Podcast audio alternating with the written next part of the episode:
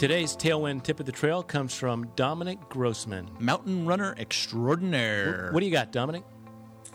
Uh, when I started running with Jorge Pacheco, who's a you know, very accomplished runner, Absolutely. uh, he would just beat the heck out of me on runs on the Angeles Crest course. You know, at 9,000 feet, he'd be really calm and cool, and, and I'd be just, you know, sucking wind. And he told me, no, don't worry. Everyone feels this way. Mm. And I realized that, um, you know, maybe that day when he's going easy with me and he, he was, you know, taking the time to, you know, show me the course, it was easy for him. But on race day, everyone from the start to the back suffers. Uh, the first place guy is trying to push the pace and trying to, you know, hold on to first. The last place person's trying to beat cutoffs. The middle of the pack person's, you know, doing their best, and, and everyone's having bad moments. So you're never really alone in the sport. You're always uh, suffering with someone else somewhere somewhere along the course. Maybe you're in first, maybe you're in last, but it doesn't matter. You're all you're all feeling the same thing. That's a great perspective to have. Well, that's that's Jorge Pacheco. That's uh, he he doesn't you know come across as uh, you know super talkative, but he's he's he's a very smart runner. Join us for more Tailwind Tip of the Trails on future podcasts, or go to Tailwind Nutrition and take the Tailwind Challenge at tailwindnutrition.com. A Petzl nighttime running strategy tip from Petzl Headlamps. Scott, Scott, you actually have a, a night running tip for us. I do, actually. Uh, you know, most high powered lumen headlamps, the ones that you want to be using out on the trail at night, Wait a minute, Scott. It sounds to me like you've done a little bit of research and you have some knowledge to drop on us because you This- are you are positioning this like a professor. this is this is not uh, clinical research. This is practical experience that I'm telling you here. you know what? When when it comes down to info, I like the practical stuff. Okay, let's go. So here, here's my practical thing on on headlamps that are usually very high lumen. The batteries are not necessarily in the front; they're actually in the back.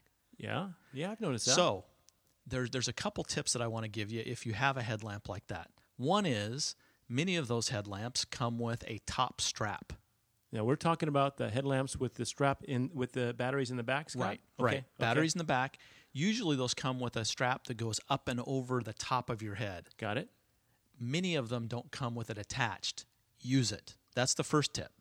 All right. Because then you don't have to tighten that head strap so tight and cut off the circulation to your brain.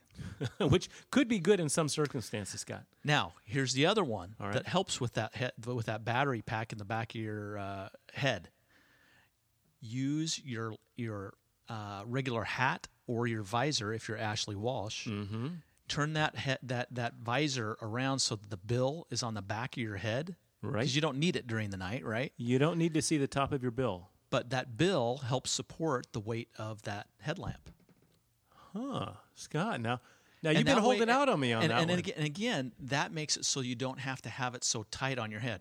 You tighten it up just enough so it doesn't bounce around and got, ca- cause you any nausea, Bouncing is bad. but you keep it loose enough that it's not going to cause a headache or anything like that. So that's my tip. Scott, now that's solid information, and that's information I can use. well, I'm glad you can use it.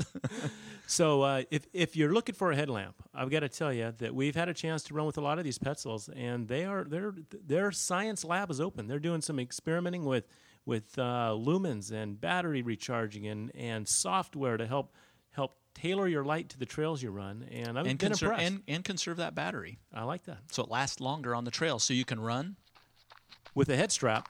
moss. Are we recording? Faith, give me a little uh, one two. One, two. One, three, four, five, six. Check. You have a message from Freeman Don. Run, Moss. It's like a little upset stomach of the heart. Sorry. What is that? You guys ready? Oh yeah. Recording? And action. Thanks for joining another edition of Trail Runner Nation. My name is Scott Ward. And I'm Don Freeman. And today, Today we have Sally McRae on with us, and Sally is a fantastic ultra runner from down in Southern California. where the coyotes roam. wild. And uh, good friends with a lot of the lot of the folks down there that, that we've had on this podcast. Uh, one being Jimmy Dean Freeman and Kate Freeman, his his uh, lovely bride, as I like to refer to her. And that's where I met Sally McRae. I met Sally on uh, running Angeles Crest. And you make friends when you're out there on those runs. I mean, you, you, you meet friends in ways that, that if you're just on a bus riding with somebody, you, don't- you don't have as much at stake. You When know? you're when you're sharing throw up, Well, we that that didn't happen, but we were we were we were Did- sharing. Did, you have to hold? Did she hold back your hair, Don? Scott, number one, my hair Did is she, short, did and number she pull two, back your hair? You want her to join us on the podcast, or just she, she's going to bail early here?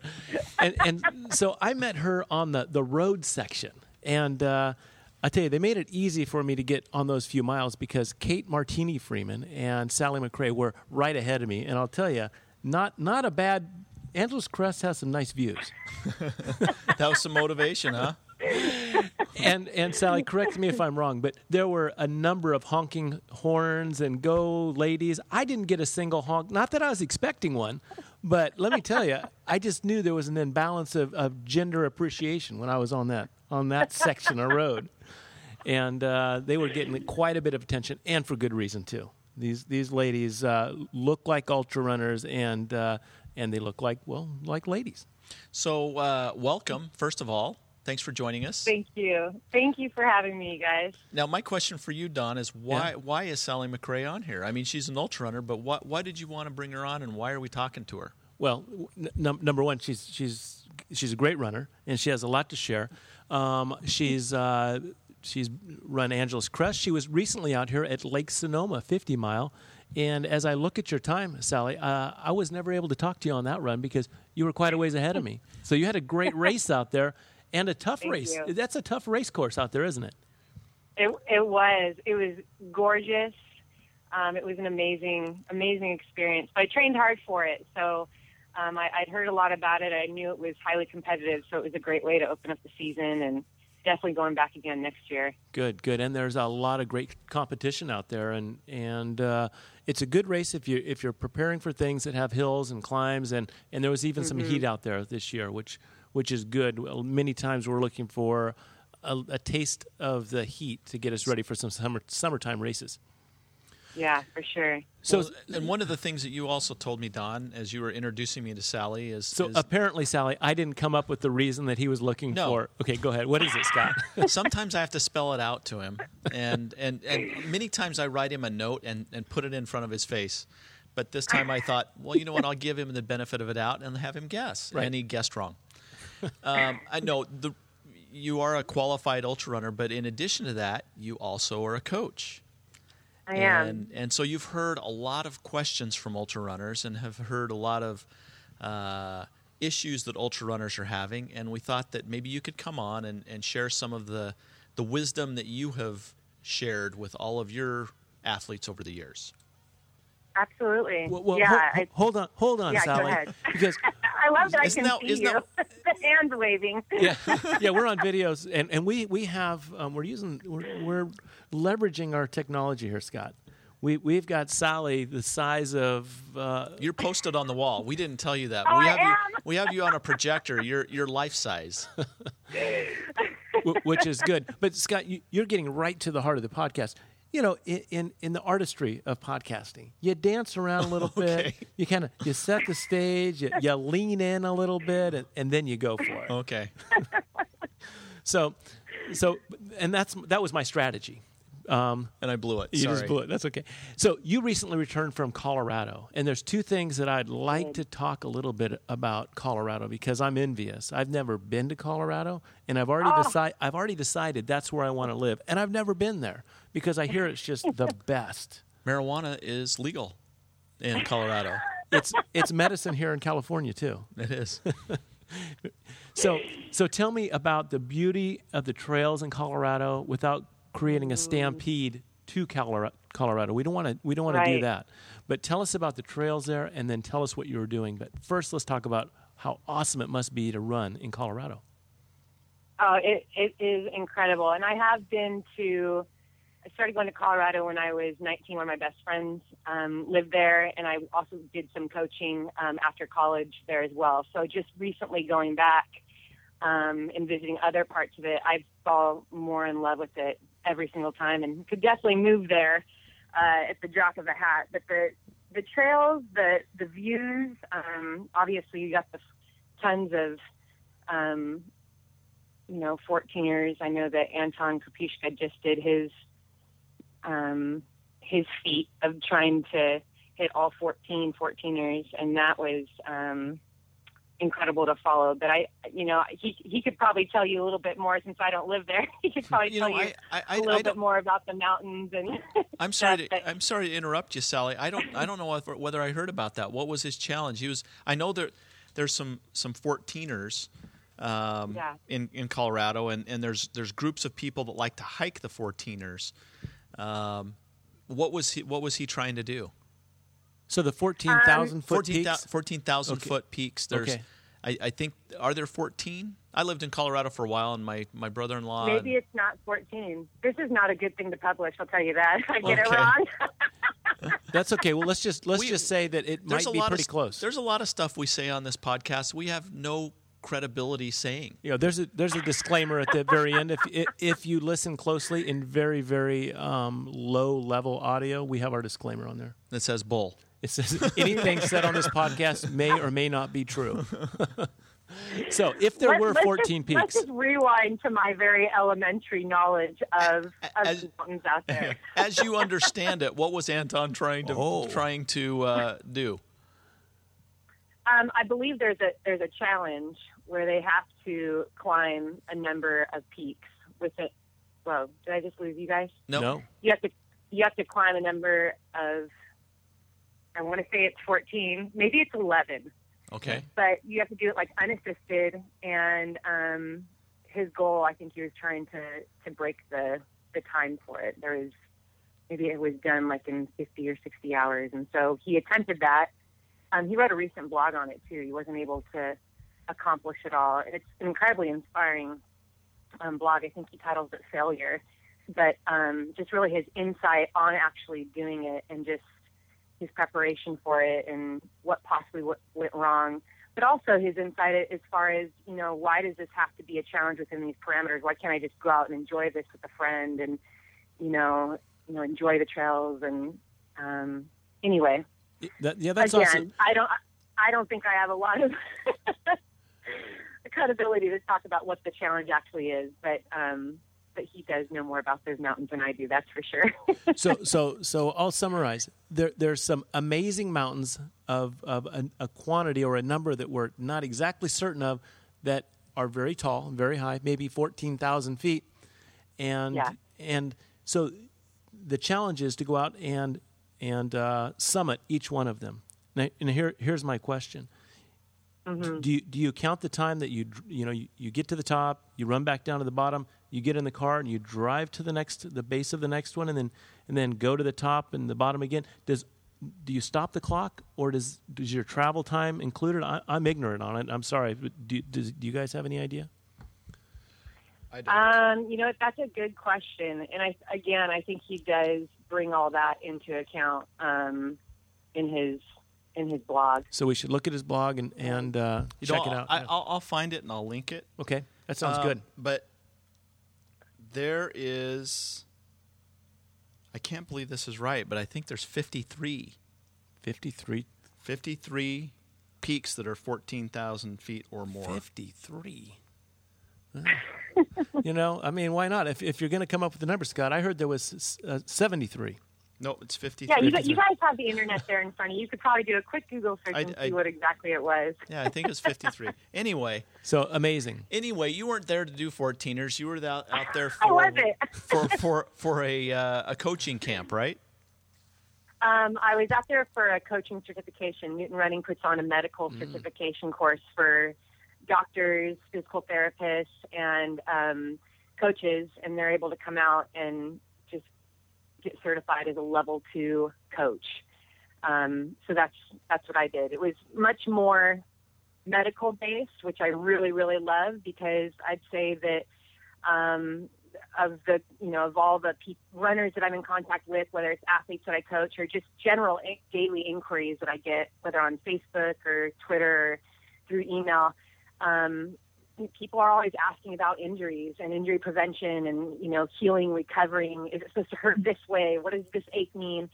And so you know I'm not a doctor, and I'm constantly you know having to tell people that. But I think it's when you as, a coach and you make yourself accessible and you become a resource for people, um, I'd say that a, a good coach, you, you care about your athletes. Um, you see them as individuals and you want to be able to relate to them. So I think that a lot of the inquiries I get, it's, it's based on, hey, Sally cares about the sport. She understands the sport. Um, you know, and maybe I might have some type of, um, you know, relationship with that person, whether it's coaching or a friendship they feel like they can say, "Hey, help me with this medical question that I have." And so, um, you know, I'd love to go down that path one day, maybe go back to school and um, become a legit doctor or a therapist. But right now, I'm just trying to soak up all the information and certifications that I can. It's just going to make me a better coach. So, this was a fantastic course. I'm sure you guys are familiar with Jake Dicharry and um, there's a, a few other guys that I know that you guys have had on there that were actually teaching the course, and um, just really amazing information about how to evaluate runners, whether it's in their biomechanics or running gait, um, imbalances or weaknesses they may have, and then help them get back on the path of recovery or just becoming a stronger runner. So Well, that well- was my weekend. well, I mean, that sounds like a great weekend, and, and the fact that you Mhm. probably hear more running specific complaints than a lot of the general practitioners out there, right? You you are talking to people about about running overuse injuries and the pain hurts right here, and pretty soon you see the patterns and you you understand you know what others have done, and they've you've seen things that have helped, and you can make recommendations, and then you can certainly recognize where you may not have that expertise, and then you can direct them to the right place. So absolutely a great resource and and having a uh, a class taught like the one that you went to they're, they're really going to give you some solid and some confidence that what you're Yeah. hearing and what you're you're sharing with people is legit right because Mm-hmm. you know I, I treat folks as I'm a chiropractor and, and and and I know that you know when you start to learn some things and, and you have a good uh, reference or a good source of where you've received the information you feel good about giving it to people but you really need Absolutely. you need to know that that what you're distributing has been qualified so it sounds like you went to a great place I did. I did. I loved it. I think that um, it was. I was maybe one of just a couple coaches that were there. It was mainly doctors and therapists. So it was really fun because they, you know, they start to nerd out on all their doctor terms and everything. And Mm-hmm. you know, at one point, this guy's like, they were talking about the IT band. You know, this big thick band that is so tight and strong in our body. And um, you know, and they start joke around, talking about how, you know, everyone always says we need to stretch it out. And one doctor's like, yeah, but, you know, you really can't stretch out an IT band. And, you know, and, and the whole class starts laughing because really you can't. You can't stretch an IT band. But it was just so funny that the, the way that they banter and joke, you know, about the, you know, stuff like an IT band. You really can't stretch that out.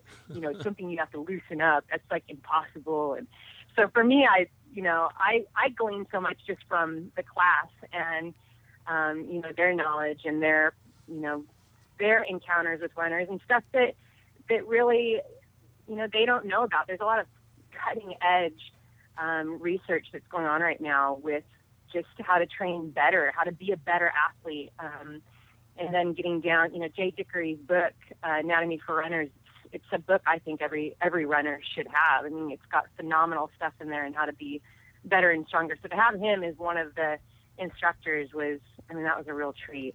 Yeah, so we- definitely, definitely learned a lot. We did a podcast as you had mentioned with him and so scott let's link Mm-hmm. that uh, to the this podcast because it's a great one to revisit and i and i did uh, purchase the book as i'm sure you have because it is- Mm-hmm. it, it's a great for for learning to create a foundation of and understanding how how the body works and anatomically how these body work but he gives some great some great analysis and then some exercise protocols to help address some of those Yeah. weaknesses that you may have found in the analysis so a very very good Yeah. uh, book Yeah, yeah, a- really good. a how-to book Yeah. scott So, so I'm interested. Um, you know, you've been coaching for a while now, and um, Mm-hmm. as you see someone coming into your practice, I guess you would call it a coaching practice. Yeah. That's what we call it here at Trail Runner Nation coaching practice.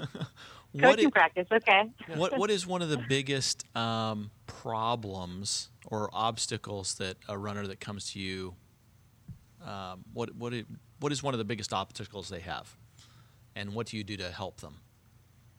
you know what what I'm seeing most often is, and I, and I think this actually flows over into other areas of all our lives, is that people want athletes want the results.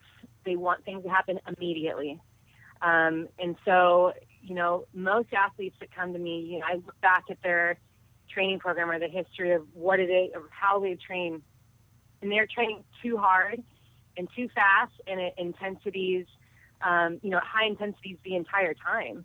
And then, you know, they come, they're like, you know, and I've had every single time I get injured or every single time, you know, I'm, I'm so fast in my training and then I get to a race and it never turns out the way I want it to be. Or, you know, I, I, how is it that I predicted such a slower, you know, finishing time? And so I definitely get a lot of frustrated runners. And I, and I think too, with all of the knowledge, um, not knowledge, actually, all of the stuff and jabber and um, loudness we find on the internet as far as you know how to train or here's this training program um, or information. I mean, I get tons of. You know, that's brought to me, and so I then have to sort that you know through with them and help them understand this is this is the proper way that we train. And if I'm going to coach you, you have to trust me. And so, um, you know, it's it's definitely a journey. It's it's a there's a trust and a relationship that has to be built with all of my athletes. Um, and I think that like anything good in life, it's going to take hard work and it takes patience. That will never change. So, um, yeah, that's it. That's it in a nutshell. I You can know- expand on, on so many different. You know, that's that's that's areas. actually a really good philosophy, and and something that just hit me as you were talking through that. I would assume that those athletes that are out there that are training and that are and and that aren't getting hurt or aren't having difficulties aren't searching for a coach. It's the ones Right. that are out there that are overworking and having issues and thinking, okay, Mm-hmm. I finally I can't do this on my own. I need to search out a coach. And and so that's Right. you you have them in a in a broken state, if you will, that uh, Yeah. you need to rebuild them like the six million Yeah. man. and, and then and then they need to be compliant, right? I, I don't know. It, you may have had somebody that has asked you for assistance, yet continues on their old patterns, and Yeah, they just and have to trust you. them. Yeah, I tell them, I'm like, you, you know, there's a point where you know you you work with people and it's like they can just be so stubborn, and I tell them, I was like, you're paying me to help you, and so you either are going to trust me on this journey or you're going to keep on doing what you want to, um, and so it's you know it can be it can be really frustrating. You know, I'll get athletes that are like, you know, back you know, back when I was in high school, and you know, they have these glory days stories, and I have to kind of, you know, redirect them and say, you know what, there, that was awesome that you were that kind of athlete 15, 20 years ago. But now you're 45. You're gonna, yeah, you're 45. But if, but think about that. I mean, there's so many great metaphors in running to life. I mean, if if if we are constantly living in the past, if we're always living in what was, I mean, we're essentially just we're we're dead. And so it's really taking an athlete and saying there's there's so much more ahead of you, and there's a lot of great things to be done, and it's just going to take you hard work. You might be a better athlete at this than when you were a basketball player, when you were a baseball player. You'll never know, but you got to take that first step, and you got to trust me. Um, and that's not easy. I think when we get older, we get more set in our ways, and a lot of times too, through you know whether it's just letdowns, we start to lose that confidence, and you know we think that if we don't look a certain way, then we can't do that sport, or you know, I, that's a that's a really common one too. I get a lot of women that come to me. And I just don't look like a runner. I just, you know, I'm not fast, or I'm not this, I'm not that. And it's like, well, let's look at what we have to work with. You have two feet, you have hmm. knees that bend, and you can walk forward. We can run. Yeah. And and So- ultra running is a different sport. That you you really can't It is. say. You know, I, I scored the game winning shot in my senior year.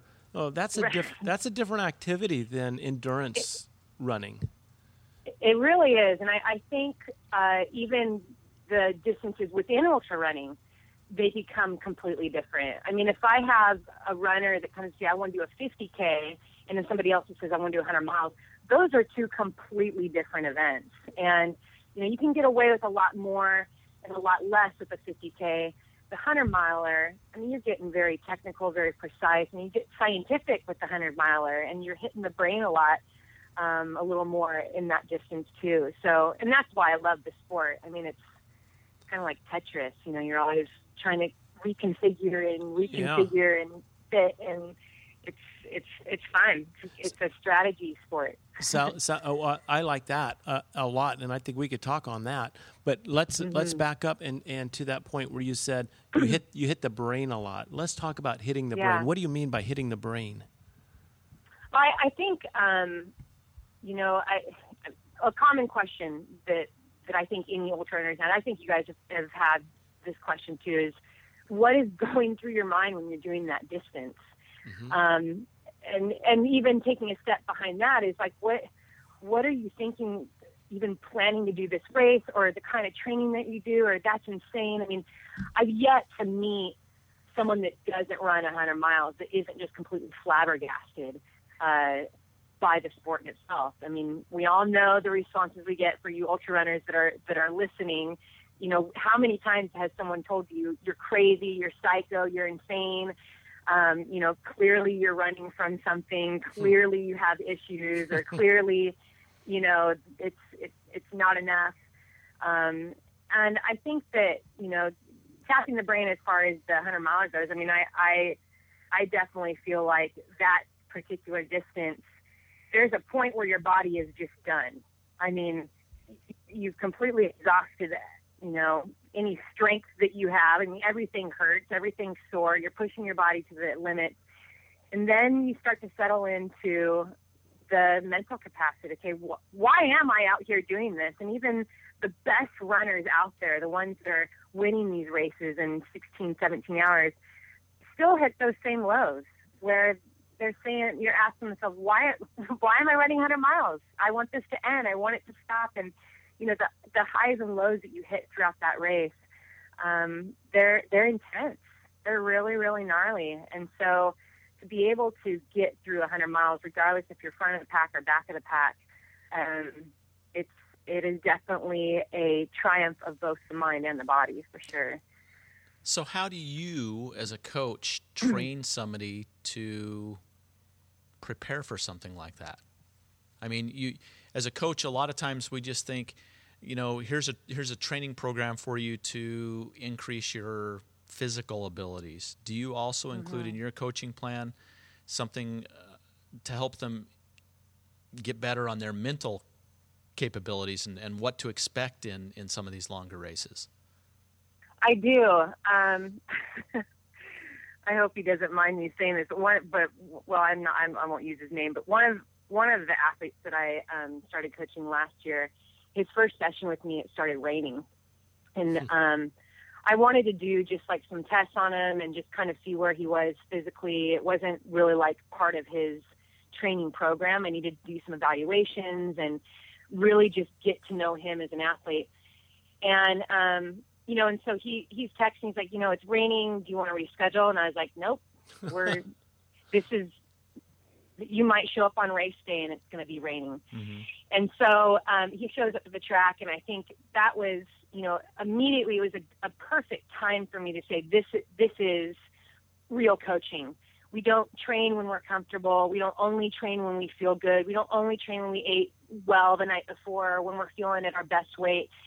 If it's raining, we're we're still going to train.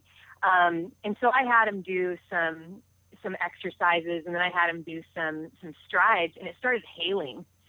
and he's looking at me shivering, and it's like it, it's hailing. And I'm like, yeah, keep going. and um, I'll tell you, when he finished, the guy had the biggest grin on his face because he just not only finished, it was, you know, a pretty good workout, but he did it in, in a hailstorm, essentially. I mean, it was, it was safe. There's no thunder or lightning or anything like that. But, um, you know, I do keep my athletes safe. But I think that what he was able to tap into at that point was if this transfers over onto race day, what I want you to remember is this right here. It, it was uncomfortable. You didn't like being pelted with hail, and you didn't like having to do the sprints in this cold, freezing rain, but you did.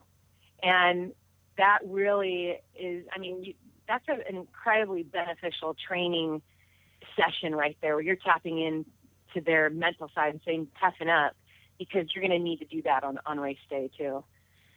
Yeah, so on training days, when things are getting a little bit uh, uncomfortable, those are those are times Mm-hmm. to embrace and to to practice how to get through them and how to accept them and run through them and with them. It's uh, so w- when those things are happening on our on our normal training days, those are those are things we're looking for.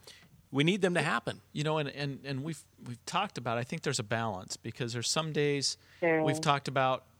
You know, the Lance Armstrong Club where it was okay if they went out for a ride and someone wasn't feeling up to snuff, they could back out. And no one would give them Mm-hmm. a hard no time. one would give them a hard time. because they knew their body and they didn't want to push their body to a breaking point, and so it was accepted. Right, but then there's also Exactly. on the other side of the coin where you may go out for a training run and things just aren't clicking. You don't feel your best. You're you may be feeling a little sick or under the weather. Maybe it's a good idea to go ahead and push through that training and finish the training to help you with that mental edge. I, I wouldn't say sick under the weather because if you're if you're ill, you need to go Take rest. But but if you're just wishing you were somewhere else and you're just not, you just w- didn't want to be there. Those are the times. I I agree with you, Scott. You need to you need Right. to work through that. And guess what? It changes. How many times have you started a run Yep. and by the time you're done, you're going, "Wow, that's not the run that I started with." You know, in fact, we had this discussion not too long ago as we were finishing up a run, uh, Don and I, where we said, you know, have you ever finished a run, a training run, and thought, you know what, I wish I wouldn't have done that? Very Yeah. few times. very very few Very I times. think, few that's- I think you guys are quoting something from Pinterest, are you? Oh, I don't even. You know what? Pinterest? I don't even I don't what, know what Pinterest Pinterest- is. What is Pinterest. Pinterest? Is it? you know, I think Pinterest you know what, you listens to guys- Trail Runner Nation. You guys uh, uh, touch on a good point there, though, as far as you know, feeling-based training. I'm I'm actually a a Lydiard coach. I I follow that method in when I train people. Um, and one of it, there, it's based on five principles, but one of them is feeling-based training, response-regulated adaptation, um, and and what that means is that there is you don't just predetermine. I don't just take an athlete and predetermine exactly how their entire training program is going to go in advance. There has to be, you know, uh, you're constantly evaluating your athlete. But also, as far as the feeling based training, you want to train your athletes to be able to feel their bodies, to be able to feel, okay, this is a pain from an injury, and this is a pain that's just, I'm tired, I'm fatigued. You really want to teach them how to be in tune with themselves, um, and especially if it's if it's an ultra runner. But I think an athlete that is can feel their body and really understand, wow, I need more rest, or you know, I didn't eat enough, or this this is a real acute injury. I need to take a day off. I mean, that is that's invaluable, and you can't get that off of a training, you know, a downloadable training program online. And I think, you know, some of the athletes that I'll talk to, they'll say, you know, I went to this site and I got an 18 week training program. And then they get really down on themselves because they can't keep up on it. You know, I'm supposed to do a tempo run today, and I'm supposed to do track tomorrow, and I'm supposed to run 18 miles this weekend. And what ends up happening is first, they're, they're, the mental side starts to break down because they they start to get bummed out that they can't keep up with this training program. And then it's realizing that whatever it was they downloaded did not have them in mind. And so, an athlete that is able to train and understand what their body feels like and to know when to slow down or to speed up, um, that is, that's again, that's invaluable. And I, a lot of times will go, you know, in long runs, I don't always say, hey, go and run 18 miles this week. And I'll say, go do two hours.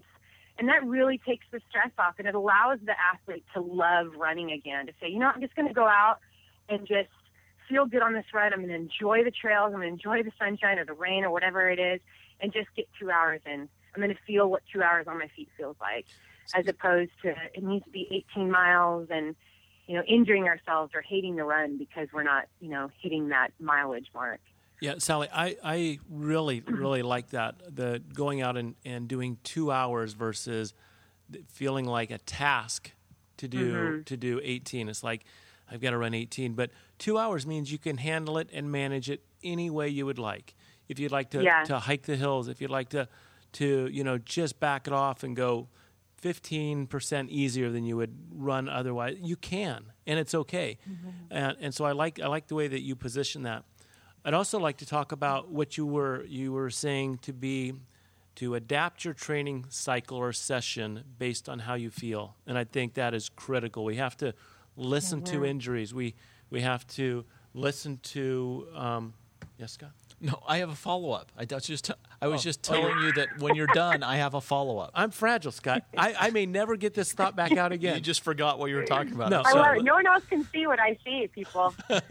see these two boys. yeah, yeah, she, she, she's got us on on uh, video. She sees all the stuff that's happening here. Sorry, Sally. There, there are actually uh, When I'm picking my nose, just ignore that. Scott has postcards up. He puts. I just read from them. It's all it's all scripted here. So I I like how um, you talk about the training session. That there are times that maybe we're we're discovering a little ache in the knee or the shin. You can't plug Yeah. that into an eight week program. So you have to be able to listen and adapt intensity and frequency and, mm-hmm. and effort all to that, whether it's the body or whether it's the mind. You're starting to get a little bit stale. You're starting to become work and not fun. You need to then your body's just telling you that it's time to change a little bit of something so you get fresh again and you're happy again. So mm-hmm. I get all that. I like that. But I want to bring it into the run itself. You said it's so important that an athlete learns to listen to their body as they're going mm-hmm. through their training. Now, how important it is for an athlete to listen to their body during a run and during a race. My intensity is too high. My if I'm going to make it mm-hmm. for five hours in this race or run or ten hours or you name your hours, I ca- honestly I'm not going to be able to hold this kind of effort. You have to be able to forecast way ahead. Do I need fluid? Do I need do I need fuel? Is this too hard? Should I be walking this? All of that's important. Listen to your body is the really the key to this whole sport. Listening. Yeah, agreed. And I, I think again, as I was going, um, as I was saying in the beginning, it is far too common that we see athletes, even great athletes, that are training at paces that are way too fast. It's just not necessary. You know, and the key foundations in a, a training program is the aerobic development and really being able to create a, just a, a nice wide, um, you know, capacity, a big volume for um, for training, and that is should not be done in a sprint. And I think that what we don't understand is that you know if we're always going at an intense speed, we're always going really fast, we become then more vulnerable for injuries and burnout, and we see that all the time too. But you know, again, I mean, it, that just goes back to anything in life. There's so many things that athletes will come and ask me about, and I'm like, well, would you do that in any other area of your life? Hmm. do you if you're going to go and buy a house and you you move do you do you pick out a house and you move you know your entire home the next day and expect everything to be in perfect place and to look good and for everyone to be adjusted to the city like immediately how long does that take how long is that process you know you think of a woman um, you know, getting pregnant and having a baby. And can you imagine if it was a, a four day process? I mean, it, so, but just realizing that, you know, the, the training that goes into a race and um, proper programming, proper, um, you know, building up to every single phase. Um, it takes patience, but it also takes, you know, as, as a coach, my job is to constantly be evaluating the athlete and say, how are you feeling? How is, you know, how are you doing? You know, are we progressing? Are we taking steps back? Are you tired? You know, what's the stress in your life like? And, you know, that's, that's key too. I'm constantly evaluating my athletes to make sure that they understand that the outside stresses that they're feeling, um, you know, that, that those also affect their training. And so I'm, you know, always reprogramming and reprogramming, sometimes on a weekly basis, how somebody's training schedule should play out so that it fits them precisely and that they can get the most success out of you know what it is that they're doing. And I think I lost you guys on Skype, but you can still hear me, right? Oh, we can still hear you just fine. You know, that's one of the one of the things that I find I, I, that I think is a, is a beginner mistake as people are getting into this sport. They think that they can download a program on how to run a 50k or a 50 miler, oh, and it says how many miles they need to run a week and which days to run. You know, you need to run and just download the spreadsheet and follow the spreadsheet, and they should be able to to to finish a 50k. And in so, in many cases they can, but I think that by listening to your body and having a an outline of what you need to do, but the, being able to give your permission and say, okay, you know, today eh, maybe I shouldn't be doing uh, that training.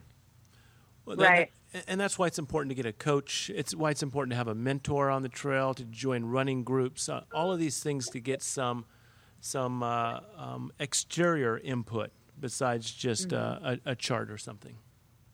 Yeah, and you know, let's be honest. I mean, not everyone has the luxury of being able to get a coach.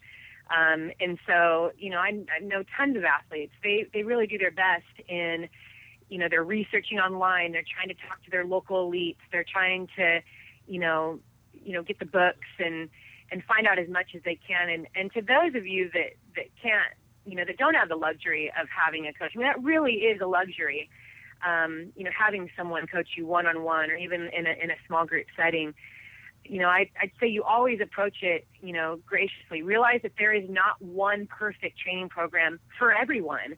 And I think that that is a, a real detriment. You know, you can get out with a group of trail runners and there are, you know, 50 different ideas of what nutrition you should be taking and 48 different shoes that you should be trying and, you know, 14 different ways to build up mileage or what kind of what your training plan should look like. And I think that the best thing that you can do is get as much information as you can. And then, you know, if, if you can find a professional and ask maybe a couple questions, or even, you know, these, I know these podcasts are great, but really find out um, what works for you and what fits your lifestyle. I mean, I think that's huge too. I I I train people all the time that you know they would love to be able to to run every single day, but they can't. But they still want to do a marathon. Okay, so what's the three day program? You know, and it's it's always kind of reconfiguring things to not only fit your life, but just make sure that it's it's not super drastic. It's not hard immediately.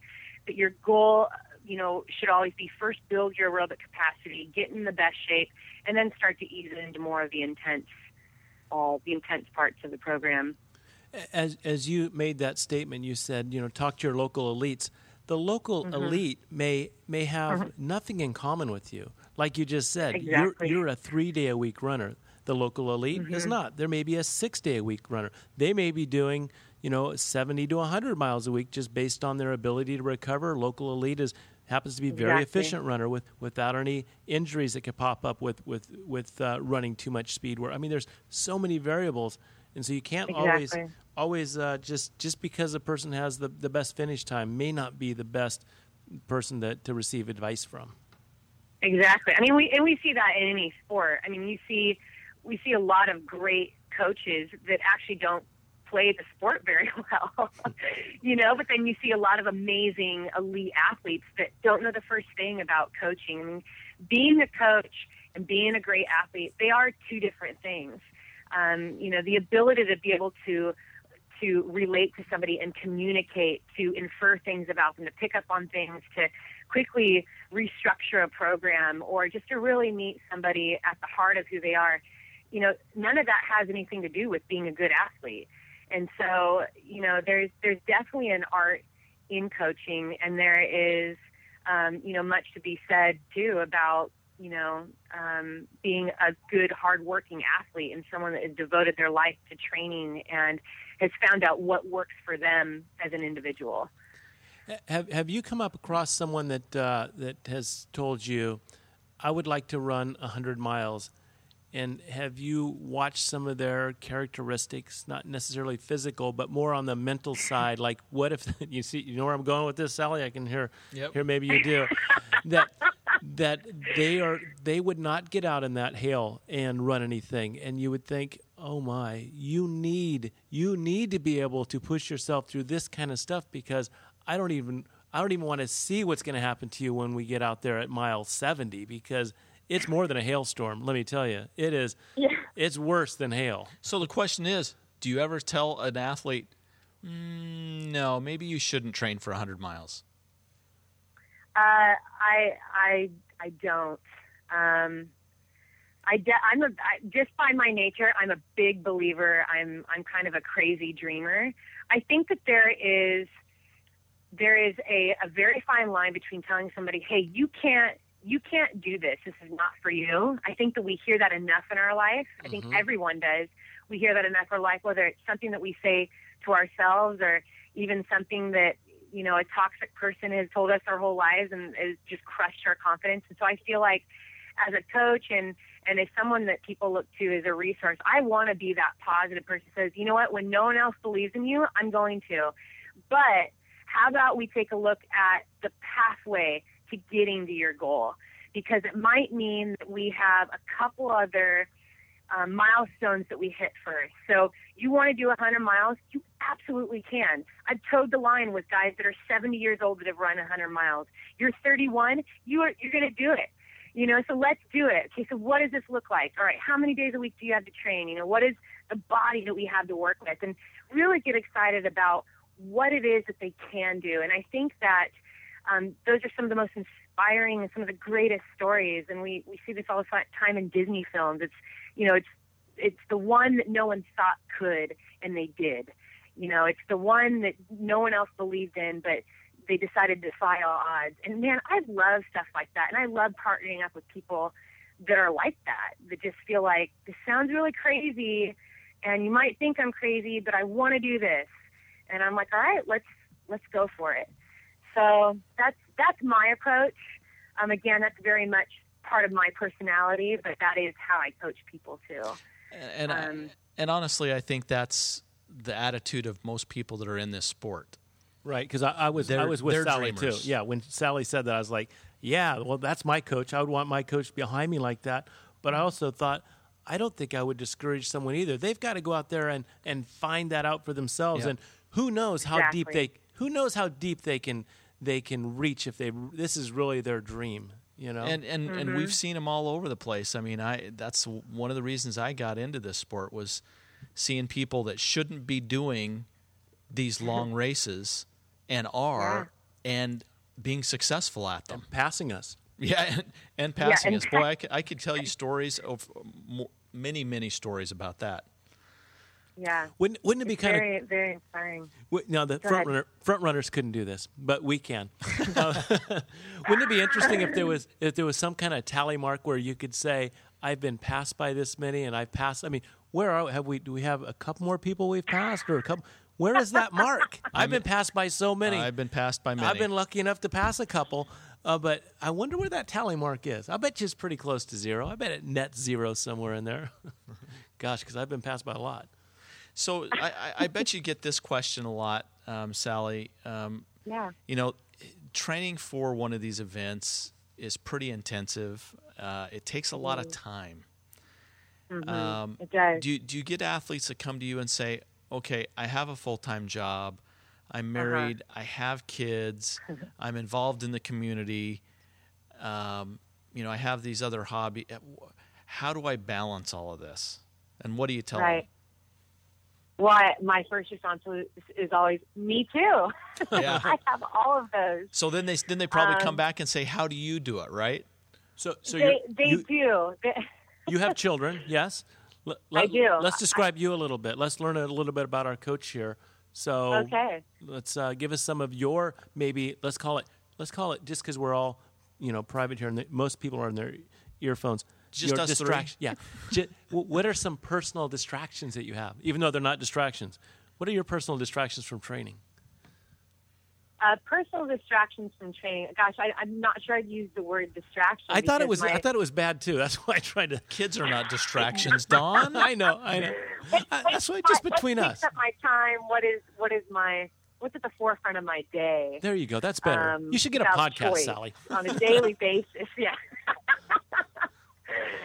You know what? I and I, and this is we might end up diving into the other side of this all, and that is um, this is this is sometimes a very difficult subject to, to talk about because as a woman and as a mother of two young kids, my kids are five and seven, um, and you know that is it's incredibly time consuming, and I think that there is within every mom this um, you know, this feeling of, you know, I, I need to be a good mom. I need to look like I'm a good mom. I need everyone to think like I'm a good mom. I need to, you know, do everything right. And, um, you know, and so I, I, for the first few years as a mom, I really struggled with that. I struggled with how can I please everybody and yet still pursue this passion and this, this dream that I have to, to be a coach and to be a good runner and, um, you know, so on and so forth. But, um, as far as, as balancing all of that, how do I how do I maintain a business and how do I take care of my children and my and my home and myself and yet still be a competitive athlete because I do like um, to compete. And I, I'd say like anything else, it is it is dang hard work because I have to discipline myself to um, to every hour of every day. I have to know what I'm doing every hour of the day but I also have to give up a lot of things. I have to sacrifice certain things. So I run alone because some of the hours that I that I train, nobody else wants to run. I mean, it's not uncommon that I'll start a run at 10 o'clock at night because many times my entire day is devoted to my children, my business, and coaching. And what's left at the end of the day is is a 10 p.m. hour where I can go train for two hours. So, um, you know, I'll find myself on the gym or running on the streets, um, you know, and that's that's kind of how I balance it. I think that we can tell anyone if you're passionate about something, you love something so much, where there's a will, there there is a way. There is an absolute way, and that's why, as I touching back on what I said before, I'd never tell somebody, no, you can't do it, or you know what, you're too busy. Sorry, that's just not going to work. Um, I'm training one athlete right now. She is has a very high level job. She's an executive. Um, she can only train three days a week, and it took her 20 years, four attempts to do a marathon, and she finally hired me as a coach. And um, you know, and her whole thing, I have to be on top of her on a weekly basis, constantly reprogramming her schedule to balance out her life. And so um, that's kind of how I, I do my life too. Is just there is no week that's the same. Every week is different. Ev- you know, life happens, and kids are crazy. They're all over the place, and so um, if I keep you know them at the forefront, and I know that I can always get up early. I can get up at 4 a.m. and train, or I can train at 10 o'clock at night. Um, you know, I just I do my best with what I have. So. Well, how about sleep? Because if you're getting up at four and ten o'clock, I mean, Mm-hmm. sleep, as, as we've discussed, and Katie DeSplinter, one of your local girls down there, that's a, Yeah, that's a great runner. she's awesome. she gave us the uh, one one of the tips uh, that we, we uh, spread on on the podcast. How important and valuable she found sleep in her training program. Only recently. right? Only recently did she find that. She says she'd been telling, been told that for years and years and years, and she Mm-hmm. believed it, but she never practiced it only, until recently. Absolutely. You know, it, it is regardless. I mean, whether you're doing a sport or not, sleep is necessary. Um, I will say that at, at starting at a very young age, I'd, I'd say on one hand, it's just a huge blessing, but I have never required the 10, 11 hours that other people require. I mean, I've always been able to go on five or six hours and do really, really well. Um, I will say, though, my little disclaimer is in that when my training hits certain points and certain peaks, because there's it's very it's programmed specifically to hurt, hit certain intensities, and even throughout the week, there's certain um, you know more intense days. I I do make sure that I get more rest on those days, and I have to just remove things from my schedule that week. It's it's a discipline, and it's something that I think I will forever, you know, always um, you know strive to balance in my life. I, it's I don't think I'll ever perfect it. I don't think any of us can Right. because life is full of surprises, and we never know how our body's gonna be feeling from one day to the next, or what you know what's on our path. And so if we approach it with with grace and without the anxiety, without the worry, and just say, you know what, I'm going to do my best with today. I'm going to attempt to get my training run in in the morning, and you know I'm, I want to get to bed at this time, and you know just one day at a time. But I, I agree, uh, absolutely, absolutely do need need rest. You know, we, So we, we we've working on that. we've talked with uh, Dr. Noakes about you know listening to thirst, right? We talked about Mm-hmm. hydration and and drink when you're thirsty. I've got to think we need Yeah. to also learn to listen to our level of fatigue too. You know, we Mm-hmm. can try to do the math and figure out what's right, but maybe if we're honest with ourselves and just listen to our energy levels and and uh, then act on that, we'd probably be way ahead. Because you're right, there's no way to figure it. Maybe you have a virus your body is, is fighting, and, and that takes a certain amount of energy. Maybe there's some additional stress that's going on at work or wherever, and, and within family, whatever it is. That takes some energy away from you. So there are many compounding, you know, activities or, or variables that could zap the old strength meter. There is a strength meter, Scott. Yeah. It is. Yeah, it's it's Where is that it's, a, strength it's an option on your GPS watch. Okay. You don't know that? I need to find It's not the power meter, but there's this sleep strength meter. I already, is. I I already mean, you're broke my stress meter. But you're tapping into the individual again. I mean, we're we're talking about training and coaching and racing, and really, it's coming back to the individual. We cannot base our training, even the need for rest. I mean, it's true. There are some people that can run a you know a 250 marathon, running 80 miles a week, whereas somebody else has to run 120 miles a week in order to get that time. I mean, our bodies just respond and recover differently. They adapt differently. And so, you know, it's it's the same across the board. Eating, the nutrition, fluid, all of that. You have to get in touch with your body and and appreciate it and give back to it. Um, not in accordance to what your training partner is, in, is doing, but you know what's going on with you. What what about some cross training? Are you uh, do you are you an advocate? Uh, where where do you land on the cross training recommendations? Yeah, I've, I- I've always been big on cross training. Um, I'll have to even reluctantly say that it's more common that uh, people are shocked that I'm a runner Huh. and not a CrossFitter. Um, but uh, and that's just you know over. I was a soccer player for 20 plus years. I was a gymnast for for 10 years, and so um, I do you know really do enjoy the the cross training side of running, and I think that the stronger your body, the more powerful you are, um, you are going to be able to withstand far more than somebody that just is, is only running. Um, and especially in the ultra distances, you know, you're climbing mountains and you're out there for 24 plus hours. Um, your body needs to be able to do a little more than just the running motion. And so being able to, um, you know, I like to get in the gym. I do a lot of core and functional stability training. Um, I do some weights. I do a lot of body weighted exercises.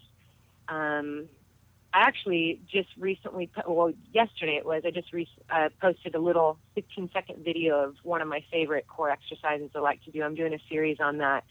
Um, but I think it's key for every, every athlete, runner or not, to get their bodies strong and, and, um, and powerful. Scott just pulled up this, and we'll link this, no doubt. But you, Aw. She's standing on her head, uh, uh, on on her hands, on her hands, in a V shape with her toes on a ba- on a what do you call that? A balance ball. yeah, a stability Or ball. Swiss ball. Yeah. Yeah, Swiss ball. Swiss My ball, Swiss goodness. Ball, yeah. Wow, that looks like something you don't make your kids stand in the corner, do you? You make you make them do those types of things. Go get the balance ball. You're going to do some of those.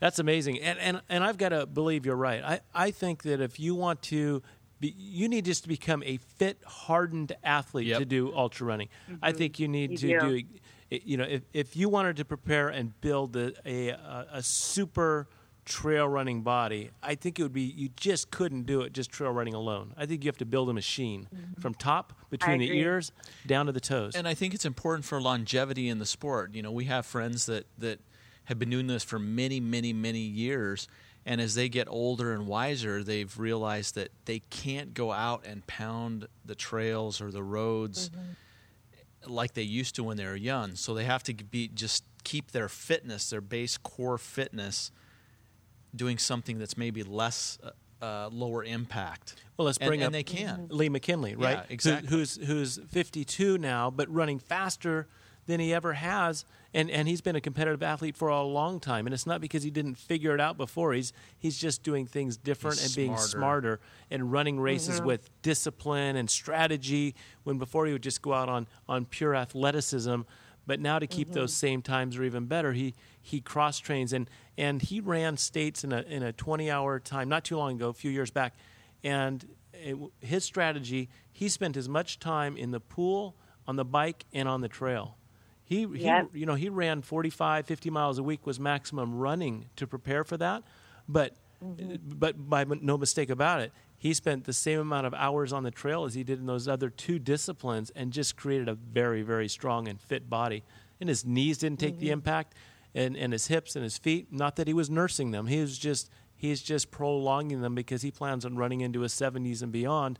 And w- one of the things that I, I take away from his comments on that is he said, I was always anxious to run. I was always excited that it was run day because I do love running. And, you know, he likes swimming and biking too, but he said, I was never tired of the Didn't run. get burned out. I didn't get burned out of the Yeah. long training required to do to to participate at the high level that he wanted to and get his body in the right kind of shape. I think it comes back to the mental part of it, where you need to stay sharp mentally, and if you're all you're doing is is is running, um, it, it could it could wear on you. Mm-hmm. Where you can change things up and try a new sport and do something else to cross train. Right. Yeah, I, I mean, I think this the you know the ultra distances.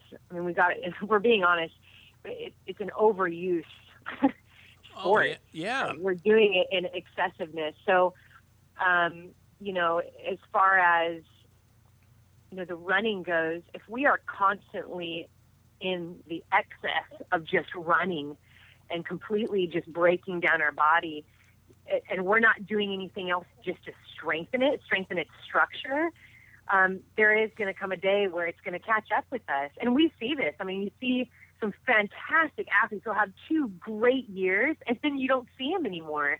And they're just battling injury after injury after injury. And then it's the, the overtraining and all of it. And there's, you know, it, we come into a sport without any balance. It's just excessive running. And so if we can train athletes like, hey, you can do this sport, but you need to, to prep for the training. You got to have a strong base. And so take care of any injuries because the longer the distance, that little tiny nagging injury is going to turn into a monster for one. And any weakness that you have is going to be magnified by a hundred. And so getting somebody in the gym or get them, you know, into a, a you know, a plyometric type workout where they're, you know, lifting heavy weights or, you know, doing all these different, you know, single leg deadlifts and, you know, medicine ball throws and, you know, getting the hips strong and the glutes strong. I mean, it's, it will pay big time in those longer races because you, your body has to be, as you guys were saying earlier, just rock solid. Um, and especially if you want to do the sport for a long time, you have to stay on top of that stuff. And it doesn't stop. You don't just do it for, you know, I'm going to go and get strong in the gym for, you know, in January because I have 10 100 mile races this year. Um, it's, you know, there, there's actually a, a balance in, hey, I, I have a two hour run plan today, but I'm going to break it down. I'm going to run an hour and 40 minutes and then spend that last 20 minutes you know, getting my body strong, doing some core work, getting doing some strength work, some mobility exercises, some flexibility. I think that that is more beneficial um, than someone that it's just you know going to go out just for the two-hour run when clearly they need to be strengthening other areas of their body.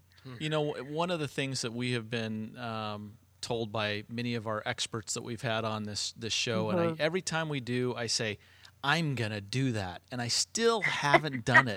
You haven't, Scott? I've been doing it. No, you haven't because I run with you. Oh. And this and this is this is it. They they say um, you know, and and the one I'm talking about is Dr. Cucuzella.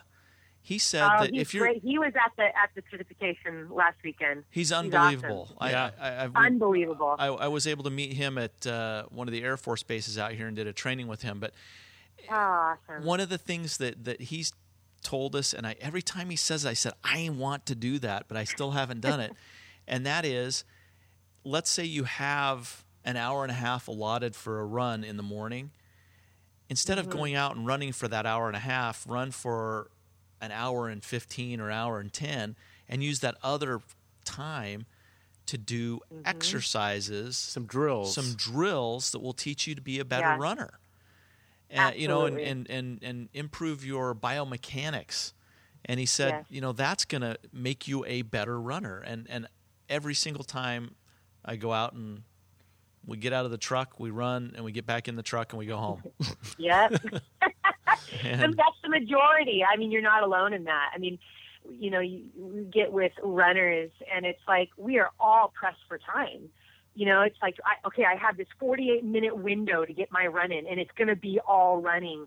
And so, you know, it's it's okay. How can I balance this? How can I come about my day where okay, if I'm going to get my run in 48 minutes, I'm going to break it down to 40 minutes and you know do eight minutes of of you know core work or maybe 10 minutes before I go to bed or I try to tell athletes if you know you spend we spend enough time in front of the computer in front of the TV come up with a routine that you can do while you're watching that program and yeah I know it sounds ridiculous especially if you have kids or family members or whatever but man it is going to make a huge a huge difference um, you know you want to make it a part of your life I have these exercises I like to do I call them my my home exercises and um, or I call them hundreds. And the goal is to do um, these eight exercises to do 100 repetitions throughout the day while I'm at home. So you know, I'm cooking dinner. I'm going to do my standing lateral leg, li- you know, single single leg lifts, um, single legged squats. You know, while I'm boiling water and mixing my pasta in, I'll do 20 really quick, or drop down and do some push-ups and you know and it's funny my kids will jump in with me and you know and it's a it's a good lesson that i can kind of teach them too you know mommy's keeping her body strong and this is how we do it we don't always have time but we can make time and um yeah it's it's uh it's not easy it's not easy to kind of reprogram your mind to do something different than what you're always used to or what you feel so strongly is going to make it better and a lot of times what we believe is to be a better runner all i need to do is run You know, I have two quick little comments, and and I, normally I don't do this, but I'm going to say I have two, so that Don doesn't interrupt me. Number one, wait, uh, wait, wait, Scott. number one, you made me remember um, when when I lived in Colorado, we had a neighbor um, that was uh, a a young lady that was a gymnast, and she came over to our house and was watching a video or something with our family, and the entire two hours of this movie, she was on the ground doing crunches. and yeah And I and I said, "What do you what do you what are you doing that for?" She goes, "Well, I'm just sitting here watching a movie. I might as well be doing something." Yeah. So Glad I'm not a gymnast. So my second point is, um, do you have a list of those exercises that we could maybe uh, link to our podcast so people could? yeah enjoy um, I, I 100 put a lot yeah I put, I put a lot of that stuff up on my blog. Um I, We'll link I that do blog have okay cool. Yeah I have a, a better runner series that I just started. Um that video that you guys saw is, is part of it. So if they check into the blog it's just my name sallyMcRae.com um, then they'll be able to see videos and different exercises that they can they can incorporate Even better. Yep, we'll get we'll get them over to your blog and and uh, and, and get people to to see what you're doing. You've got to see this handstand toe on the ball V. My goodness. It, it is fantastic for your hips, um, for your shoulders. I mean, I, I tell you, most runners, and I would just say Americans, because we're always in the seated position, whether we're in two-hour traffic or we're in front of the computer or, you know, in front of the TV, our hips and our glutes are really weak. And so it is, and, and we need those. I mean, we need to be able to fire up through our glutes when we're running. We need strong hips. And so, um, you know, that exercise right there, that's, that's pretty good. You got to use, it's, it's all in the hips, baby. Let me tell you, um, you do not have weak hips. I can see from that video. That's uh, you have some strength and, and not a lot of body fat either. So it's uh, if if you promise me Hard that work. if you promise me that body, I think I might uh, do that exercise. That's that's an that's an amazing exercise. Hey, tell me a little bit about Yellow Runner. What? Who is the Yellow Runner? what what is what is the? Why are you even bringing that up, Don? What is Yellow Runner? What? Well, it says Well- here. What? I'm supposed to ask who the Yellow Runner. Yeah. That's on your You know cue what? card. yeah, it's my cue card. Oh wait, wait. Let, you know let- what, let me reset. When, when Sally, I'm going to reset. uh, oh, go ahead. Okay, yeah. here we go. Not that I'm editing any of this. Sally, um, s- somewhere I've heard, I've seen on your uh, Perfect, your perfect. your Twitter, Yellow Runner, Instagram. What Instagram? W- w- What's the con- Instagram. what is the connection between you and the Yellow Runner? How's that, Scott? That's better, That's much better. Okay. You know, I, this is a very it's it's a very common question actually, but um, See, I'm actually Scott? writing. if you follow me on Instagram, that's probably the only way you know me. And I've had strangers walk up to me and say, "You're Yellow Runner, aren't you?" it gives me a good laugh, but um, it there is it, it's basically a name that is based on several um, monumental stories in my life, and um, I'm actually writing a book called Morning Sunshine um, that's that's based on on those stories. But the I do like yellow. I have a lot of things that are yellow is in you know my running wardrobe and all that. Um, but really, the you know the reason why I like that it's the yellow. It's the hue of it. The the color um, represents light and bright. You know, when artists use it, they you know they use yellow to depict warmth or um, sunshine um, or just shining light. All of those things, and um, it really has a part to do with just the life that I really long to live, and that's a life that shines.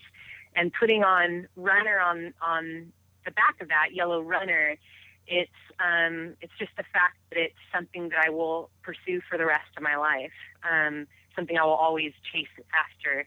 Um, you'll see sometimes I'll hashtag sun chaser or sunset chaser, and it, it's one of my favorite times of day to run. I love running on the top of a mountain or a hill, running after a sunset because it's not. I'm not like a tree hugger, like you know, I'm oh sun, seeing you, you know, fade goodbye into the distance. It's just really it's taking life um, as a whole. It's a time that I reflect on life, and I a time that I I like to take and just say, you know, what did I do today to shine into somebody else's life? What was it today about my life that actually shined? And I think that there's always been a balance that I've I've so wanted where I can pursue as a runner and as an athlete, I've been a competitive athlete my entire life. Um, I I feel like there there's definitely a time in life where I just wanted the accolades. I wanted to be the best. I wanted the championships. I wanted to go to the Olympics. I wanted this and this and this. And then I was realizing through these different events in my life where I started to lose people in my life um, at very young ages. You know, people passed away or um, a lot of a lot of people that I cared about. It made me just reevaluate life and really think like, wow, these people are leaving my life who I loved and cared about and who believed in me, but they take nothing with them. They don't take the accolades. And do I want to be remembered as somebody that is a great runner? Do I want to be remembered as someone that won a couple races?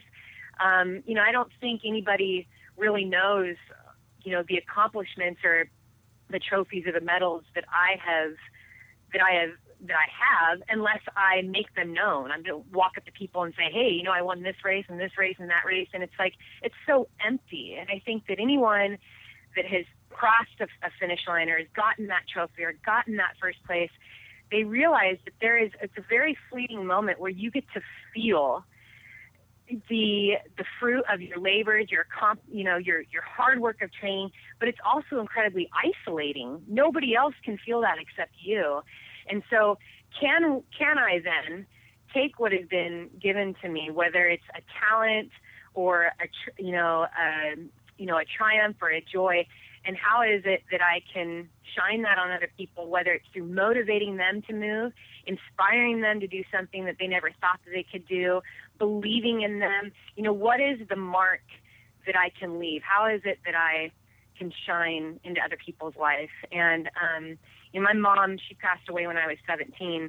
She was a, a phenomenal, phenomenal woman, and we didn't have a lot growing up. We were really poor, and um, but I had I got to have my 17th birthday with her just four weeks before she passed away, and the nicknames that she had had for me was Sunshine, and so before she died, she somehow this cancer, had all this cancer. She got herself into a wheelchair, made my dad drive her to Target, and she bought all these yellow things. So she bought a yellow candle, a yellow clock, a yellow blanket, and um, and she came back, and I opened up all these yellow presents, and I remember just crying, thinking this is the last birthday I get with her. And she took the last of her energy to go and buy me, you know, these yellow presents because she wanted to remember that, you know, I was her sunshine and I, you know, it brightened up her day as, as, as she would say it. And, um, you know, I never forgot that. And so, you know, my, as I've, I've continued on in my journey of life, I, I make sure that whatever it is that I'm passionate about, that it isn't all consuming about me, that, um, to be able to leave a legacy, to leave a mark on somebody's life, man, there is no medal that can even hold a candle to that. And um, so that is, you know, that's part of the story, the the book side, you know, the morning sunshine side. But that really is what Yellow Runner represents. It's, and you'll see in a lot of pictures on Instagram, you'll either see that there's a, a there's a lot of light within the pictures that there's yellow, but I sometimes like to write obscurely. I may say a, to- a, a caption that you know, if you just read it, you might think I'm actually talking about the run, but I'm really talking about life. I'm really talking about something so much greater than, you know, hey, I went on a 10 mile run and look at this beautiful sunshine. The metaphors that we find in running um, and how they match up with life, there's, there's thousands of them. And, you know, the hours that I have shared with some of my best training buddies, um, you know, out in the mountains and the stories that they that I have heard and just the exposure of souls and just who these people are. I mean, it's it's beautiful, and you start to understand. You know, these they're out here. You know, we're out here running for so much more than just the appreciation of the run, and um, and so I, I, you know, just tying that all in is just wanting to be able to, um, you know, shine in whatever it is that I do, whether it's as a coach or if I go to a race and I can make an impact on somebody's life or send a smile or encourage someone, um, that's that's Yellow Runner. Awesome, awesome story, inspirational, and and uh, I love that you shared it with us, and and it really gets us a, a chance to to meet Sally McRae in, in other ways besides just just you know coaching advice, but but what drives you from the inside. And you know, make sure you go check out her blog. It's at www.sallymcrae. McRae is spelled M C R A E uh, dot com, and uh, We can find her on Twitter at where would we find you on Twitter? I, I have your Yeah, I tweet it's you all the my- Instagram, Instagram is Yellow Runner. Yes. You know, I, my Twitter is Sally McRae because there is a spammer that has Yellow Runner. And so if anyone knows, because I've been asking Twitter for a couple years now, please let me have Yellow Runner. Oh, okay. I like to get that handle. It- Yeah, how many Sally followers McRae. does Yellow Runner have? That's probably the pro- that person probably doesn't even use it anymore. Let's Right. let, Let's kick him off. let's help Sally get uh, to get uh, Yellow Runner Twitter back. She she she will offer one free month's worth of uh, training for that that. Uh, Careful, Don. Careful, Don. If I have to, I'll, I'll, Easy there, buddy. no, seriously, I will. So, so if see. I knew she would. I would assume at, Mc- at sallymcrae.com they can contact you. There's some contact information there if they Yeah. feel so inspired to to call you and uh, hire you as a coach. Yes, they can. They can contact me there. do you have to be local? Do you do you coach uh, through the internet virtually in, in, in all lands and regions? I yeah, I do. I'm I'm just uh, I'm just now kicking off my online coaching program. Um, so yeah, they can. All they have to do is just go to the contact page and shoot me an email. And They can Skype you at the Yellow Runner. the Yellow Runner, Yeah, yes, Yellow Runner such a- was taken. Who are you? hey, th- th- this is such a great tool, Skype, because we're on it now. We're doing some videos. You can actually see as you talk, and, and you could look at running form. You could do all kinds of things. So your coach Yeah. could be right there you know, immediately and, and virtual. And I think it's, uh, I love the internet. I think there's some great tools. It's opened up podcasting. It's brought, boy, we, I don't know, we're at 109 or so, 110 podcasts and different people that have shared all kinds of things from, you know, Mark Cucuzella to Sock Doc to, We thought we'd have like Blende we thought to- we'd have maybe three three podcasts worth of content. well, Scott, you and I And really, only we have, only have. yeah, it's, it's all the other people like like Sally that have come on that have that have made it so interesting to listen to. Well, th- thanks thanks for joining us, Sally. Um, we Thanks appreciate for you, having me, you and uh, we look forward to maybe seeing you up here next year. Well, she's uh she's in, she's in got September. she has a good friend that lives local, so uh, Maybe we'll hook up. We'll get you here and we'll do a live do. podcast. That would yeah, be but fun. we also have the the running summit is up there in September. What is the Jay running? Dicharry will be there. Yeah. Oh, is that right? You could. Yeah. So where is the running summit? So maybe uh, Oh, the running summit is um, it's Hayward. I think it's in. Yeah. Hayward. Okay, It's not far from. Um, we can. I, I would say it's probably like 20 minutes from the San Francisco airport. Yeah, this gear could get to Hayward. Maybe we could get down there and have Yeah. have a uh, one-on-one with uh, Sally McRae and and Jay Dicharry. Yeah, Yeah. that'd be awesome. Well, Nation members, thanks for joining us. We hope you had a good run or a drive while you were listening to this. Uh, go to trailrunnernation.com. Check out all the neat things there. Make sure you're not hurting yourself by not having a performance enhancing Kokopelli. Oh, Scott, you know, it's been a while since we brought that performance enhancing Kokopelli up. You know, I, I just love seeing the pictures of people sending in, and it's almost been just uh, they, they send them in with a, a finisher's medal and the picture of the Kokopelli that, that made the journey, the 50K or the 50 mile or, or whatever it had to be. And, or just a training session. You know, many of those miles are just training miles that this Kokopelli is out Oh, there you running. shouldn't you shouldn't just apply it during a race. Oh no, no! You should apply it do, to almost anything. Job interview. anything that needs a positive outcome should include a Kokopelli. I agree. So you and you can check those out at uh, trailrunnernation.com. You can find us on uh, Facebook. You can find us on Twitter. We're not on Instagram. We're not. So, you know, after talking to Sally, maybe we need to get on Instagram. Scott, we, we, are on Instagram. I, I, we I are. Yeah. you guys on Instagram. Yeah, we are. We're Instagram. Yep. Yeah, yeah. yeah. who's who's monitoring Instagram? My eleven uh, year old daughter. okay. That's probably the best. Maybe we should put her in charge of Facebook and Twitter. She'd probably do a better job. You might. She might. and go out and run, Moss. Oh,